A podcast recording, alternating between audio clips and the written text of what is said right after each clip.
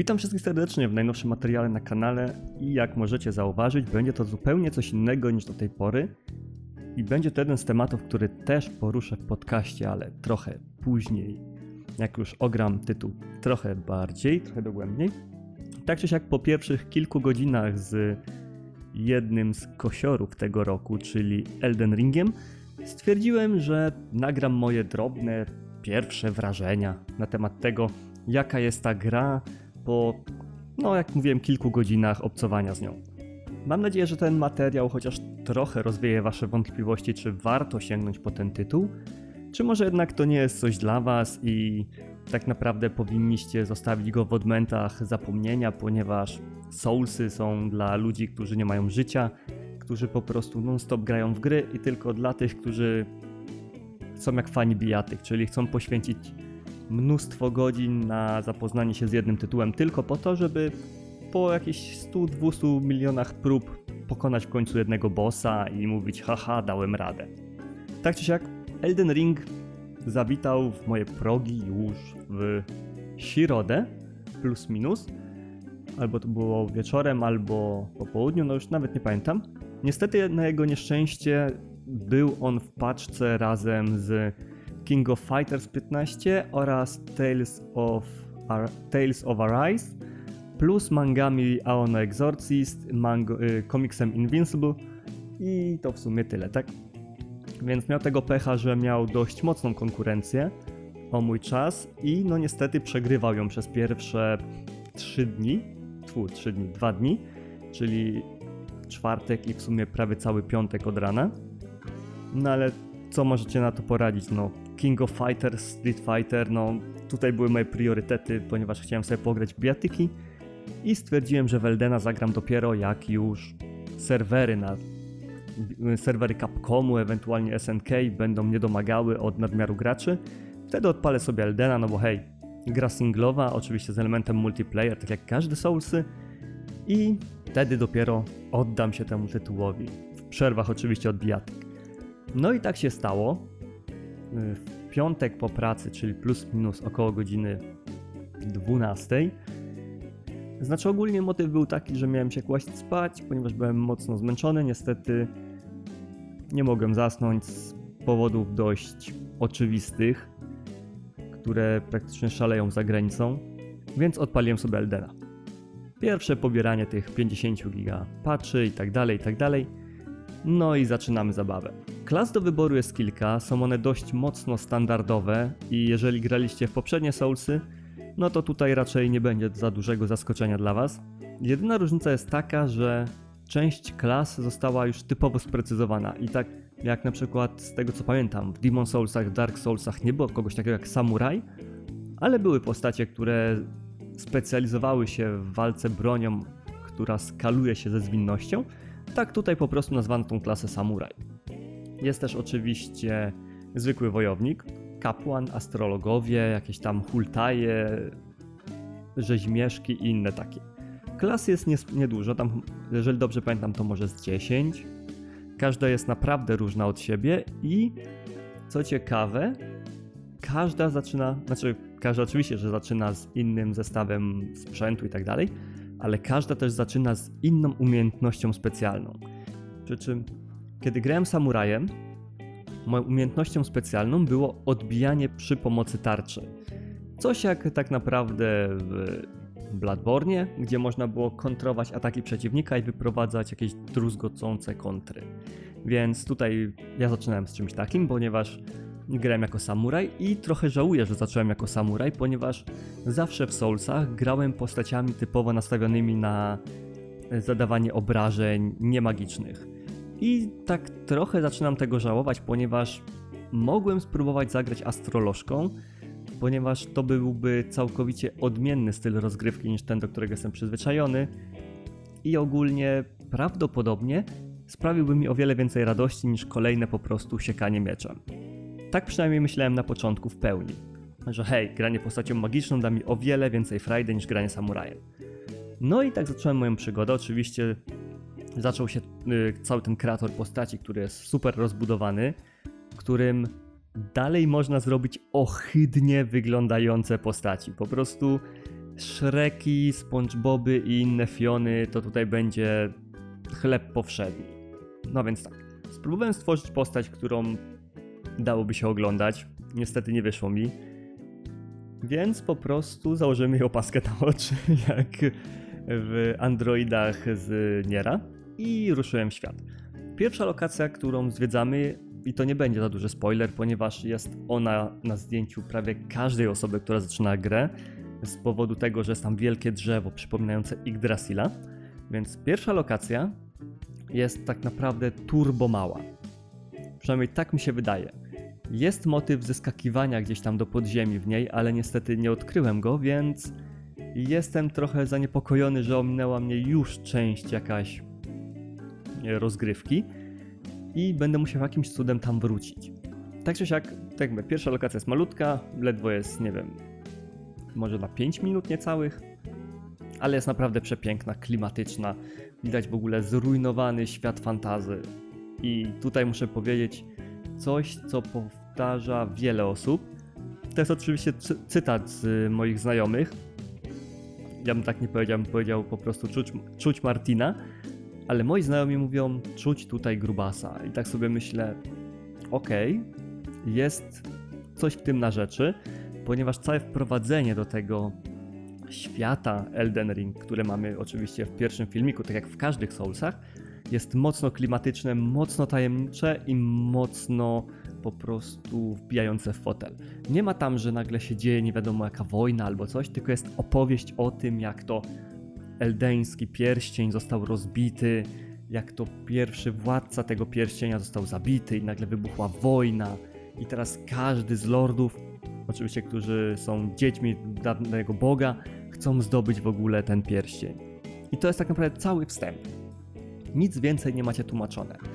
No, poza faktem, że oczywiście Oh, the Ashen One, który tutaj jest oczywiście... Hmm, niech sobie to przypomnę. Jak jak się nazywało nasz, jak się nazywa nasza postać y, w tej części? To nie jest popielony, tylko zmatowiony, o. Nasza zmatowiona postać oczywiście też powstaje z grobu, jak wiele innych postaci zmatowionych. Nie mamy tutaj czegoś takiego, że Oh, you are the Ashen One, you are the Chosen One, save the world, bring the peace to the realm. Gra nam od samego początku mówi, że nie jesteśmy jedyni że takich zmatowionych, którzy ożyli, którzy są praktycznie nieśmiertelni na zasadach, że za każdym razem się odradzamy, jest mnóstwo. Więc nie mamy co traktować się jako nadzwyczajnych. Po prostu jesteśmy trybikiem w tej maszynie, który powstał przez przypadek i to tylko od nas zależy, co zrobimy. Technicznym celem gry jest, jak to sama nazwa wskazuje, Elden Ring, skompletowanie wszystkich części pierścienia i w sumie no nie wiem, tylko tyle mogę y, wywnioskować z nazwy, ale zakładam, że będzie to też na zasadzie idź, zabij bossów, zdobądź część pierścienia, przywróć jakiś tam ład i porządek w świecie. I tak jakby pierwsza lokacja po prostu sobie mija. Na końcu niej oczywiście jest boss tutorialowy, którego można zabić, ale którego przez przypadek nie zabiłem, ponieważ, yy, tak jakby powiedzieć, Liczyłem, że atak tego bossa nie będzie obszarowy, więc ustawiłem się z boku tego bossa, a że on był obszarowy, no to mnie zabiło i zaczyna się po prostu już oficjalna gra. Wychodzimy z pierwszej takiej jak gdyby krypty, gdzie spotykamy dziwną postać, która nam mówi, że hej, mamy szczęście, bo w końcu na nią wpadliśmy, ale oczywiście kiedy się budzimy, tej postaci nie ma obok nas, więc tak naprawdę nic nie wiadomo, co się tutaj stało, co się stanie i tak dalej. Wychodzimy z pierwszej krypty i mamy po prostu coś, przez co rozumiem, czemu wiele osób nazywa to Breath of the Souls, jeżeli chodzi o gatunek Souls-like'ów. Pierwszy moment, kiedy wychodzimy z krypty na oczywiście otwarty świat, pełni otwarty świat, jest po prostu zapierający dech w piersi. Widzimy to ogromne drzewo, to, tego Yggdrasila. Możemy się rozejrzeć po całej panoramie, jak po prostu w Breath of the Wild było i zobaczyć ogrom świata, który jest przed nami. Nie jestem do końca pewny, czy w każde to miejsce, które widzimy, będzie można dojść, ale już na samym początku gry, kiedy doszedłem do pierwszego takiego niby ogniska oczywiście i pogadałem z pierwszym NPC-em, który mi powiedział, że hej, No i znowu zapomniałem, jak oni się nazywali. Hej, zmatowiony. Istnieje w tobie promyk nadziei dla wszystkich, którzy żyją w tym okrutnym świecie, ale nie możesz nic tutaj wskórać, dopóki nie odnajdziesz y, służki, która będzie z tobą połączona i która sprawi, że będziesz mogła po prostu czerpać od niej siłę, będziesz najlepszym zmatowieńcem i dzięki temu przeżyjesz. I tutaj się zaczyna już oficjalnie sam początek gry. Mamy z góry nakreślone, że musimy iść w pewne miejsce, co jest ciekawe, za każdym razem, kiedy odkrywamy coś na wzór ogniska, takiego głównego ogniska, wypływa z niego światło, które kieruje nas w konkretną stronę. To światło jest tak jakby guiding light, znane z wielu innych gier. Tak jak na różnych minimapach jest pokazana na przykład strzałka, droga do celu itd., tak itd., tak, tak tutaj jest to światło. I to światło nas będzie prowadziło w głównym kierunku, gdzie powinniśmy iść teraz konkretnie, żeby pchnąć tak jakby nie tyle fabułę, co całe zdarzenia do przodu. Czy tam pójdziemy, to już zależy od nas, ponieważ ja na przykład stwierdziłem, no dobra, mam iść tam, ale tutaj biega jakiś centaur albo jakiś wojownik na koniu. No to idziemy ciupać tego wojownika. Oczywiście to się okazało boss regionu, co jest bardzo fajnym unowocześnieniem, ciekawostką, że teraz każdy region ma swoich bossów. Takich Coś jak właśnie w Breath of the Wild, który na przykład, o, najłatwiej to porównać do Lioneli albo Hinoxów. Ewentualnie, ewentualnie Guardianów, którzy byli po prostu ukryci gdzieś tam w oddechu dziczy. Tutaj jest podobnie. Po całych regionach, konkretnych takich etapach, biegają mini-bossowie, których możemy bić, za których dostaniemy specjalne nagrody. Ja tego pierwszego mini-bossa niestety jeszcze nie ubiłem, ponieważ on jest zbyt potężny, ale jako, że miałem z tyłu głowy, że hej, ta gra to jest open world. Za, zarzekali się, że to jest po prostu prawdziwy open world na miano, na miarę dokładnie mówiąc, Breath of the Wild, czyli że nikt nas nie powinien kierować za rączkę, nie licząc tutoriala.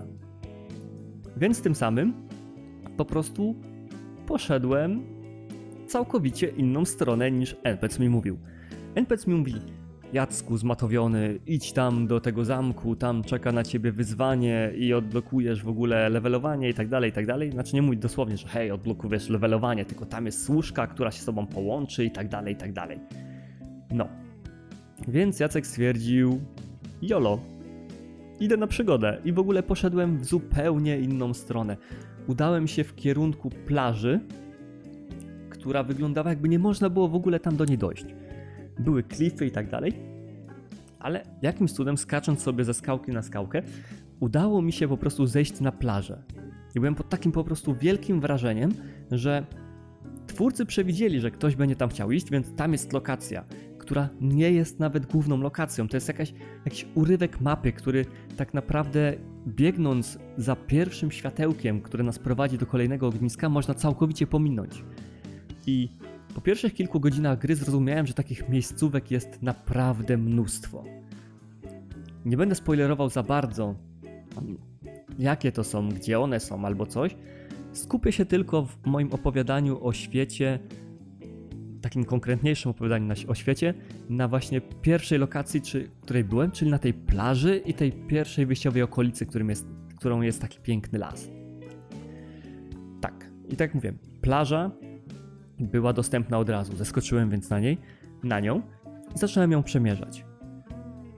Była tam też wysepka w oddali trochę od plaży, ale niestety do niej nie można dojść, ponieważ widać głęboką wodę, a coś czuję, że w tej grze nie można pływać, więc tam się jeszcze nie kierowałem. I tak sobie zwiedzam, zwiedzam tą plażę, gdzie nie ma prawie w ogóle przeciwników, po czym znajduję po prostu jakąś jaskinię. Myślę sobie, okej, okay, jaskinia spoko, zobaczymy co tam jest. I ku mojemu zdziwieniu, ta jaskinia była tak jakby lochem, dodatkowym lochem, który całkowicie można pominąć, ponieważ nie jest prawie nigdzie na mapie zaznaczony, w którym oczywiście co było? Na końcu mogłem walczyć z bossami danego regionu, czyli bossami tego lochu. Tak jak ten typ na koniu na początku był bossem regionu zaraz po wyjściu, tak tamte, nazwijmy to byty tubylcze były po prostu bossami regionu tej jaskini. I za zabicie tych bossów oczywiście dostałem specjalną nagrodę, Zanim jednak do tego doszło, to zrozumiałem, że tutaj mechanika przyzywania jest wspaniała. Jest o wiele lepsza niż w poprzednich częściach Souls-like'ów i mam nadzieję, że to będzie złoty standard, jeżeli chodzi o to, jak From Software będzie teraz podchodziło do trybu sieciowego. Otóż, nie dość, że możemy pozostawić znak w konkretnym miejscu i dopóki nie zmienimy regionu, on będzie tam po prostu cały czas, to jeszcze są takie kapliczki przywołań. I za pomocą specjalnego przedmiotu możemy wbić taką igiełkę w kapliczkę przywołań i z automatu, nieważne gdzie będziemy w świecie, jeżeli tylko aktywujemy ten przedmiot, aktywujemy tą kapliczkę i z dowolnego krańca świata będziemy mogli zostać przywołani do tej konkretnej kapliczki. Co tak naprawdę bardzo ułatwia farmienie bossów i dusz na bossach, ponieważ my możemy sobie chodzić po świecie, zbierać surowce, o których zaraz powiem tak dalej, odkrywać, ale za każdym razem, jak ktoś będzie potrzebował pomocy z bossem na w ogóle drugim krańcu świata, to gra z automatu nas przeniesie na czas walki z bossem do tego rejonu. Co jest super rozwiązaniem, które wykorzystywałem nagminnie, ponieważ o ile sam chcę przejść wszystkich bossów solo, tak uwielbiam po prostu Praise the Sun Jolly Cooperation, czyli pomaganie innym. I tak właśnie zrobiłem, że pomagałem innym bo z bossami tamtego regionu. Co dawało mi oczywiście bardzo dużo dusz, które, znaczy tutaj się nazywają to runy, które można oczywiście wykorzystywać na ulepszanie przedmiotów, wykopywanie umiejętności. Co jest ciekawe, kupuje się tutaj umiejętności, już nie mówię o czarach, o umiejętnościach. Y, kupowanie przedmiotów, ulepszaniu itd., tak itd. Tak Niestety bardziej polecam trochę inne podejście do tego elementu rozgrywki, w ogóle do tej gry, czyli najpierw polecam pójść w ogóle z pierwszym, strum, pierwszym promieniem światła do kolejnego ogniska. Tam jest sklepikarz. U sklepikarza odblokujemy oczywiście kowala, znaczy kowala, no, umiejętność wytwarzania prostych rzeczy oraz y, ulepszania w prosty sposób przedmiotów. Bo żeby ulepszać je na poziomy mistrzowskie albo coś, to prawdopodobnie trzeba będzie mieć kowala wyspecjalizowanego w danej dziedzinie. Tak czy siak. Polecam najpierw pójść do pierwszych dwóch ognisk, odblokować sobie ewentualnie umiejętność y, ulepszania, kupowania i levelowania, ponieważ to znacznie Wam pomoże. Potem, tak jak mówię, hulaj dusza, piekła nie ma, możecie sobie zwiedzać jak Wam się żywnie podoba. Tak czy siak, zanim w ogóle doszedłem do levelowania, tak jak mówię, zwiedziłem yy, plażę, zabiłem tam po prostu bossów w tym regionie plaży, po czym wyszedłem z tej jaskini i tak stwierdziłem, no dobra, ale co, to wszystko? I zacząłem iść wzdłuż plaży w obie strony. Najpierw poszedłem w jedną, odkryłem obóz bandytów. Co ciekawe, jeżeli zabijamy obozy, znaczy konkretne grupy przeciwników, to flaski odnawiają nam się same w danej tam ilości. Może być to jeden flask, dwa flaski albo coś w tym stylu, tak?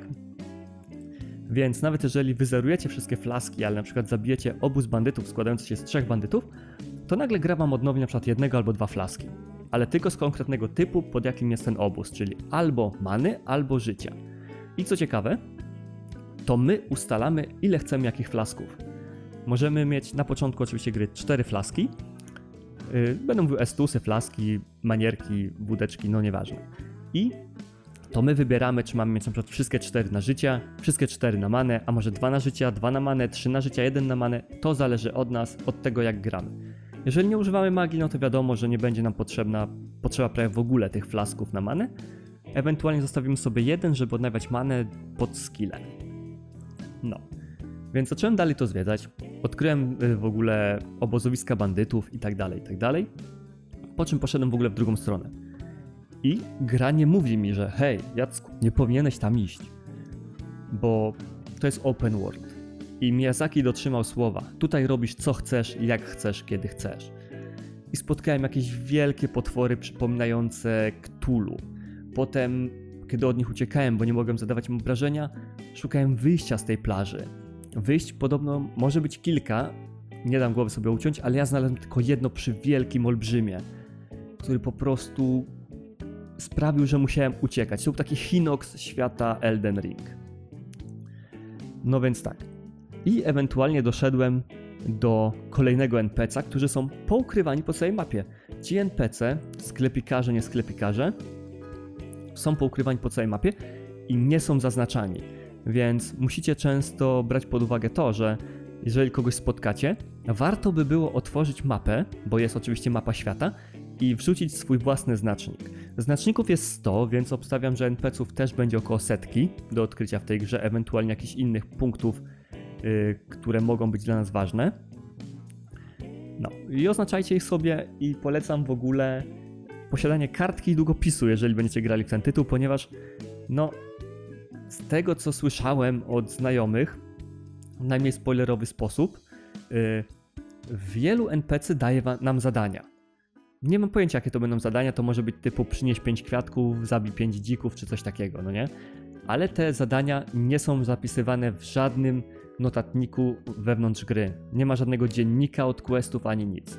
Ogniska tylko pokazują gdzieś za główną osią fabularną, znaczy osią wydarzeń, a cała reszta to już jest w naszej gestii, czyli musicie sobie notować, co konkretny bo, y, boss, y, NPC w danym miejscu będzie chciał od was. No i idąc dalej. Udało mi się w końcu wyjść z tego miejsca, gdzie po prostu ten gigant to aż mnie gonił przez pół mapy. Doszedłem do kolejnego ogniska i w końcu się udało. Odblokowałem właśnie kowala i stwierdziłem, no dobra, to lecimy dalej. Wszedłem w piękny las. W ogóle to było coś niesamowitego, jak tutaj region za regionem może być trochę inny, ale dalej utrzymany w tej samej stylistyce. Wychodzimy z krypty, gdzie oczywiście wychodzimy na las, idziemy przez zrujnowane jakieś tam y, miejsca, kościoły i tak dalej. Nagle wchodzimy znowu w las. W tym lesie jest oczywiście obozowisko rycerzy, którzy po prostu y, trzymają tam wartę, ponieważ nie wiem dlaczego, ktoś im kazał. I co jest najpiękniejsze? Y, w tej grze nie ma czegoś takiego, że agro znika bardzo szybko, albo że przeciwnicy nie reagują na to, co się dzieje w ogóle dookoła nich. Jeżeli zaczniemy strzelać do jakiegokolwiek y, wroga i dookoła niego albo w pobliższym rejonie znajdują się inni wrogowie, którzy to zauważą, to momentalnie jesteśmy po prostu oblegani z każdej strony. Zbiegają się jak mrówki do cukru. I tak samo jest, że wie, czasami w grupach wrogów, w obozach są ludzie, którzy mają trąbkę Ewentualnie potwory mają taki swój wrzask. Jeżeli on, uda im się w ogóle użyć tej trąbki albo zawrzeszczeć, to nagle wszyscy wrogowie z okolicy się zbiegają i zaczyna się prawdziwa mucka. I teraz tak.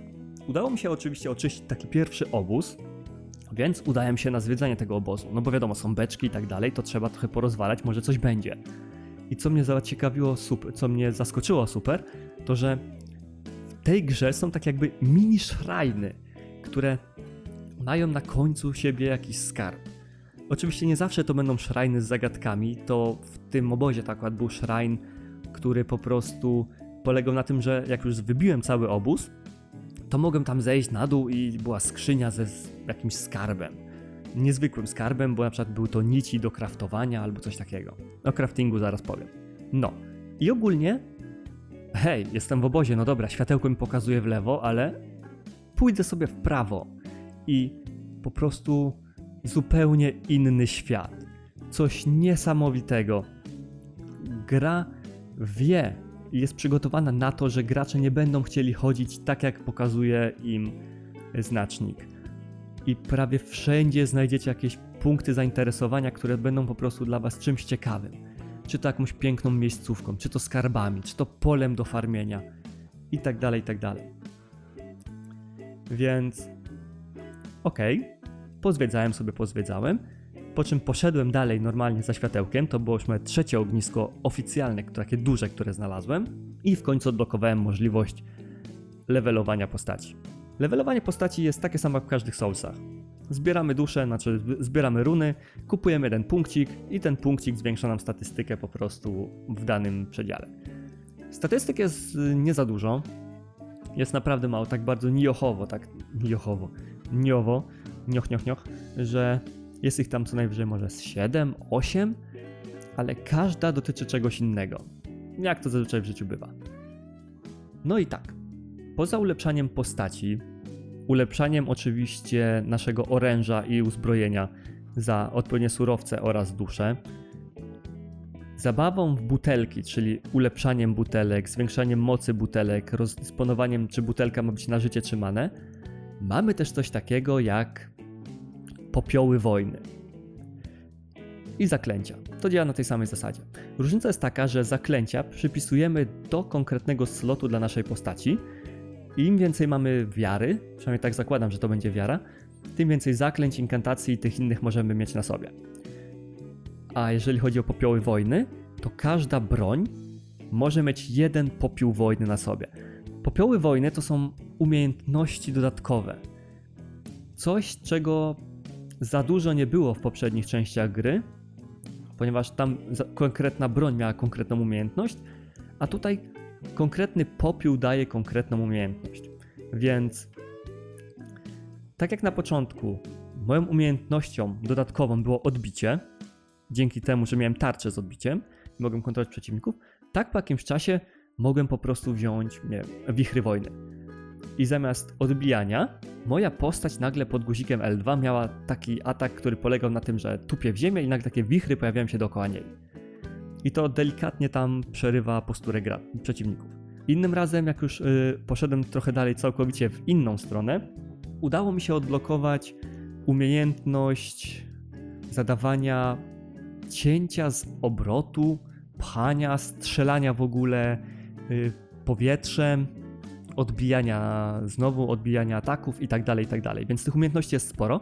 Więc jeżeli ktoś liczył, na, znaczy zakładał, że hej, granie typowym siepaczem będzie nudne, bo będziemy tylko atakować, unikać i tak dalej, to tutaj też już siepacze dostali własne skille, więc jest super.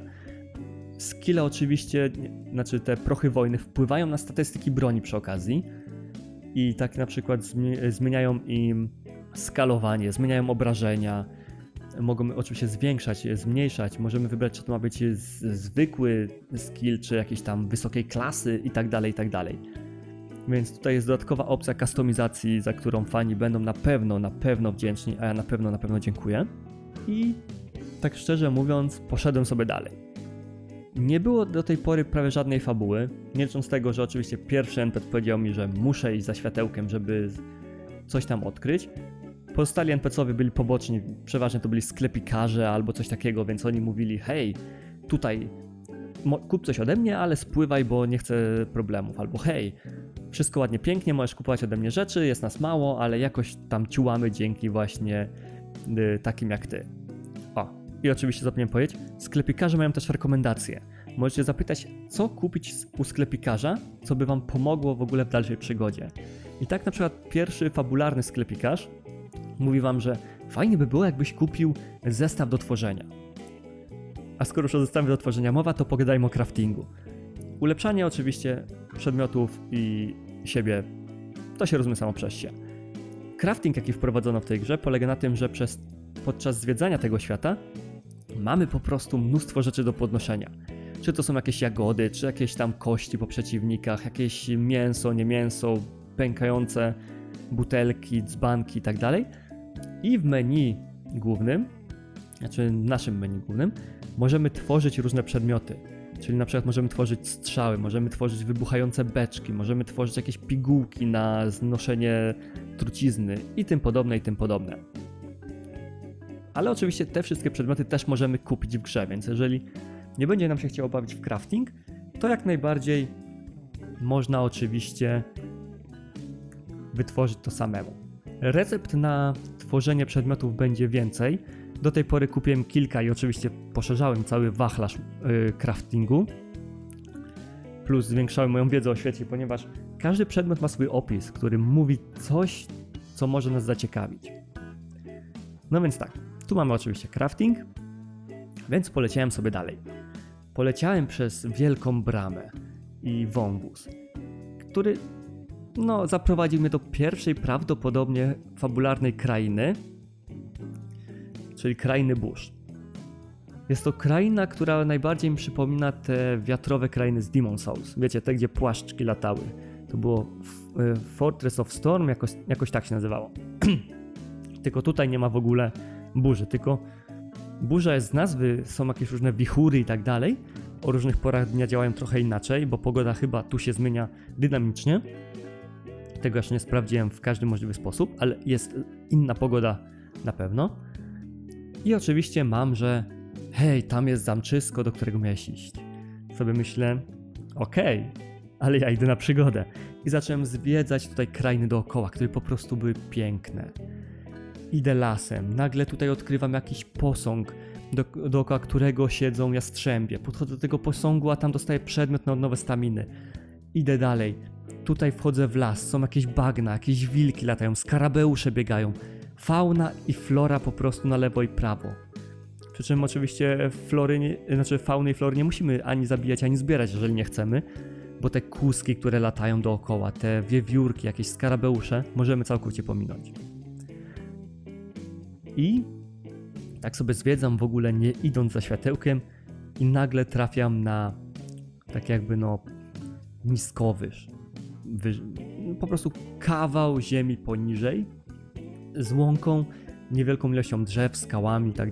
Myślę sobie, oho, czyżby cieli po prostu na kosztach produkcji i teraz nagle po prostu będzie więcej takich pustych regionów? I okazuje się, że nie. Inne regiony nie są tak puste. Ten region był pusty nie bez powodu. Jaki był powód tego stanu rzeczy? Tam grasowały giganty. Obróciłem się ledwo kamerą w prawo i nagle widzę po prostu mnóstwo gigantów. Potwory, które przed chwilą mnie ganiały po plaży, znaczy to jeden potwór, który mnie przed chwilą ganiał po plaży, to takie hinoksy, tutaj po prostu jest ich mnóstwo. No to sobie po prostu pomyślałem, kto nie ryzykuje, ten nie zasiada w Walhali. I po kolei zacząłem walczyć z każdym. Zacząłem się uczyć ich zachowania i tak dalej, i tak dalej. Zrozumiałem, że jak zabiję jednego, to nagle mam dwa flaski odnowione, więc mogę kontynuować walkę z kolejnymi. Co ciekawe, żeby pokonać takiego tytana, znaczy takiego Hinoxa, możemy atakować go po prostu, kiedy nas atakuje, czyli wbija na przykład swoją wielką maczugę w ziemię i wtedy atakujemy mu głowę, klatkę, ręce i tak ale możemy też po prostu atakować jego nogi. Kiedy zadamy odpowiednią ilość obrażeń jego lewej, prawej nodze, on się przewala. Upada po prostu albo na kolana, jeżeli ma za dużo życia, albo pada całkowicie na glebę. I to od nas zależy, co zrobimy. Możemy się wycofać, albo możemy po prostu atakować go dalej, ale też możemy podejść od przodu, gdzie będzie widać takie runiczne światełko. I kiedy zaatakujemy to miejsce, to wyprowadzamy po prostu niesamowity atak kończący, który zabiera mnóstwo życia. Co po prostu wygląda efektywnie i jest efektowne. Więc polecam takie rzeczy robić. No i oczywiście zwiedzając tą krainę, stwierdziłem, o tam jest lasek, pójdźmy do tego lasku. I co było w tym lasku? Dwie rozwalone szopy, a w tych szopach był mistrz miecza. Co znowu mi uzmysłowiło, że tutaj NPC są naprawdę poukrywani i każdy ma swoją historię. Ten mistrz miecza powiedział mi tylko tyle, że on był zakochany w walce orężem i teraz postanowi przekazać swoje umiejętności walki dalszym pokoleniom. I się, pytają, I się pyta po prostu, czy chce podjąć to wyzwanie, czy chce przejąć jego umiejętności walki. No to mu mówiłem mu jasne i proszę bardzo, odblokował mi się NPC, gdzie mogę kupować kolejne skille dla mojego samuraja. Oczywiście skille, o których mówiłem, nie są przypisane do klasy, tylko do oręża. I tak jak teraz odblokowałem sobie skill cięcia z półobrotu, wiecie, taki wiatraczek robię, to on nie jest na przykład dostępny dla małych broni, albo dla broni miotanych, albo dla biczy i tak dalej, i tak. Więc tutaj każdy będzie miał konkretny build na myśli, będzie sobie mógł właśnie pod siebie to wszystko ustawiać. Idąc dalej, oczywiście nie poszedłem za główną osią, znaczy głównym światełkiem fabularnym, tylko zacząłem sobie chodzić tutaj wszędzie dookoła, więc nie wiem co jest dalej, ale do tej pory jestem po prostu zauroczony. Gra w sobie ma mnóstwo sekretów, które po prostu będziemy odkrywać raz za razem, na które będzie nas naprowadzać w delikatny, nienachalny sposób. Jak na przykład na tym polu pełnym gigantów zauważyłem wielki, po prostu przeogromny, jakiś y, świecący kamyczek ukryty wewnątrz statuły. No i sobie tak myślę, myślę, no dobra, tylko co teraz? Próbuję to otworzyć, próbuję coś tam, nie wiem, zobaczyć, co się dzieje w tym, ale no, nic się nie dzieje. I tutaj przyszła mi na pomoc wiadomość od innego gracza, ponieważ tak jak w poprzednich częściach Soulsów, tak i tutaj można po prostu zostawiać wiadomości innym. I ta wiadomość po prostu mówiła: Tutaj przyda się gigant. Sobie myślę, ok, ale do czego mi się przyda tutaj gigant? No i tak metodą prób i błędów zwabiłem sobie jednego giganta, w tamto miejsce i się okazało, że ataki gigantów mogą rozwalać w ogóle te wszystkie statuetki. Więc po prostu już byłem w siódmym niebie. Wiedziałem, że to muszę teraz zrobić. Gigant rozwalił mi statuetkę, podniosłem jakiś przedmiot, zabiłem giganta i do przodu. Na tym się skończyło oczywiście moje zwiedzanie po tych kilku godzinach gry. Trochę pofarmiłem gigantów, trochę ulepszałem sobie postać w końcu. I powiem wam, że sama walka w tej grze jest czymś niesamowitym. Jest nie jakoś super miodna jak w przypadku tytułów Platinum Games, ale nie jest jakoś inwazyjnie przeciwko nam, więc jeżeli mieliście problemy z walką w poprzednich częściach Soulsów, tak tutaj przyjdzie wam to o wiele łatwiej. Wychodzę, znaczy wydaje mi się, że Elden, Elden Ring jest bardzo mocno nastawiony na casuali. Jest na tyle, pełen, na tyle pełny ułatwień, że każdy początkujący, kto odbija, który odbijał się od poprzednich części Soulsów, tutaj znajdzie coś dla siebie i to będzie tytuł, który przyciągnie go na dłużej i który może rozpali w nim miłość właśnie do tego gatunku. Więc zobaczymy, jak to dalej będzie. Walka jest miotna, dalej tracimy oczywiście staminę za każde uderzenie. Co jest piękne, używanie skilli samuraja zjada manę, więc jest również git. Niestety nie bawiłem się jeszcze w kowalstwo, ponieważ y, jakimś cudem przedmioty do craftingu znaczy do ulepszania mieczy i całej reszty są jak na razie ciężkie do znalezienia, ale zobaczymy jak to będzie w przyszłości. Więc to, na co jednak muszę zwrócić uwagę, co może być głównym zarzutem wobec tej gry, to nie tyle grafika, ponieważ hej, ta gra jest przepiękna. Fakt, nie wygląda jak typowe eksy za miliony monet, gdzie po prostu każdy detal jest pięknie ozdobiony i tak dalej. Są momenty, gdzie widać tekstury rodem z PlayStation 4 albo i wcześniejszej generacji, ale jest ich niewiele. Bardzo mi się podoba to, tak w ogóle odnośnie świata, który jest przepiękny i polecam zwiedzać, zwiedzać i jeszcze raz zwiedzać, że to, co się w nim dzieje, od, znaczy to, co robią przeciwnicy, oddziałuje na świat. I tak jak na przykład spotkałem tego pierwszego koniuszego zaraz po wyjściu skrypty, tak jego ataki na przykład kosiły drzewa, rozwalały ściany, demolowały w ogóle domki, znaczy no może nie domki, ale płotki i tak dalej, i tak. Co pokazuje, że ten świat jest żywy i destruktywny w ograniczonych wartościach, ale to dodaje trochę imersji. Tak czy siak, głównym zarzutem wobec tej gry na pewno będzie to, jak działa. Jeżeli będziecie grali w Elden Ring na PlayStation 4, na, na retro generacjach, czyli PlayStation 4, Xboxach i tak dalej, poprzednich, to będziecie strasznie zawiedzeni tym, jak to działa. Ze, z opowieści znajomych wynika na to, że na poprzedniej generacji gra działa w 30 fps ze spadkami do 20, przeważnie. Na nowej generacji jest mniej więcej prawie zawsze 60, ale przy większych rozróbach albo piękniejszych lokacjach i dodatkowych e, efektach atmosferycznych widać spadek FPS-ów. I to nie jest taki spadek na zasadzie, że nagle mamy 15 klatek czy coś, tylko bardziej tak no z 45, coś koło tego. Dalej jest płynnie, no ale musicie wziąć pod uwagę to, że nie będzie to stałe 60 FPS-ów. Ekrany oczywiście wczytywania dalej są, ich nie unikniemy. Są o dziwo bardzo szybkie, nie tak szybkie jak w przypadku Demon Souls albo innych exów typowo na tą konsolę, że pół sekundy i nagle już jesteś z powrotem, ale no trochę tego jest. Tak czy siak, mówię już chyba dobre 40 minut o tej grze, a to miały być moje pierwsze wrażenia. Tutaj, hej, mógłby być specjalny odcinek podcastu o tym. Więc na samo zakończenie chciałem tylko powiedzieć, że Elden Ring nie bez powodu może być nazywany Breath of the Wild gatunku Soulsów.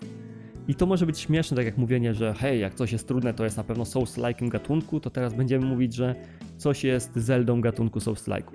Ale tak naprawdę jest w tym dużo prawdy. Piękny, otwarty świat, piękne możliwości. Sami kreujemy sobie własną historię. Plus minus. Znaczy, to co się dzieje w tym świecie, to jest nasza opowieść. Każdy będzie miał trochę inaczej. Nikt nie pójdzie dokładnie tą samą stroną jak w poprzednich odsłonach. Więc to jest coś niesamowitego. Gra jest ucasualowiona na maksa. Możecie przyzywać na różne sposoby. Przeciwnicy są o wiele łatwiejsi do, niż y, zazwyczaj. Na przykład samurajem miałem cięcie od góry mieczem i jak sobie radziłem z tarczownikami? Cięciem od góry mieczem, bo tarcza nie zakrywała im głowy i dostawali w głowę, umierali od razu. Więc jeżeli do tej pory zastanawialiście się, czy warto sięgnąć po Elden Ring, czy przypadkiem nie jest to wyzwanie, którego nie jesteście w stanie, któremu nie jesteście w stanie podołać, to jak najbardziej mówię wam tak. Sięgajcie po ten tytuł, ponieważ jest wart każdej złotówki.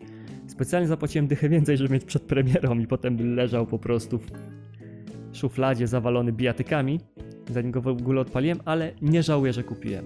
Do gry dostałem oczywiście piękną kopertę, w której były pocztówki, naklejki, naszywki.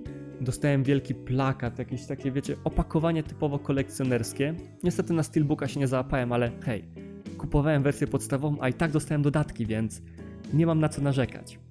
I technicznie, jak już powiedziałem, że warto, to tym pozytywnym akcentem chciałbym zakończyć w ogóle moje pierwsze wrażenie na temat Elden Ring, które wrzucę na YouTube w formie filmiku oraz oczywiście trafią prawdopodobnie też na apki podcastowe, no bo co mi tam. Można to wrzucić jako cały odcinek specjalny, no bo już 40 minut ponad, więc będzie co posłuchać.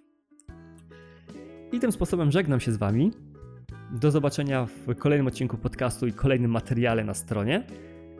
Linki do wszystkiego, gdzie możecie mnie znaleźć, gdzie warto mnie subskrybować i gdzie warto mnie śledzić, znajdziecie w opisie. I powiem tylko tyle, że czcijcie słońce, nie bójcie się zwiedzać i grajcie w Elden Ring. Do następnego razu. Cześć!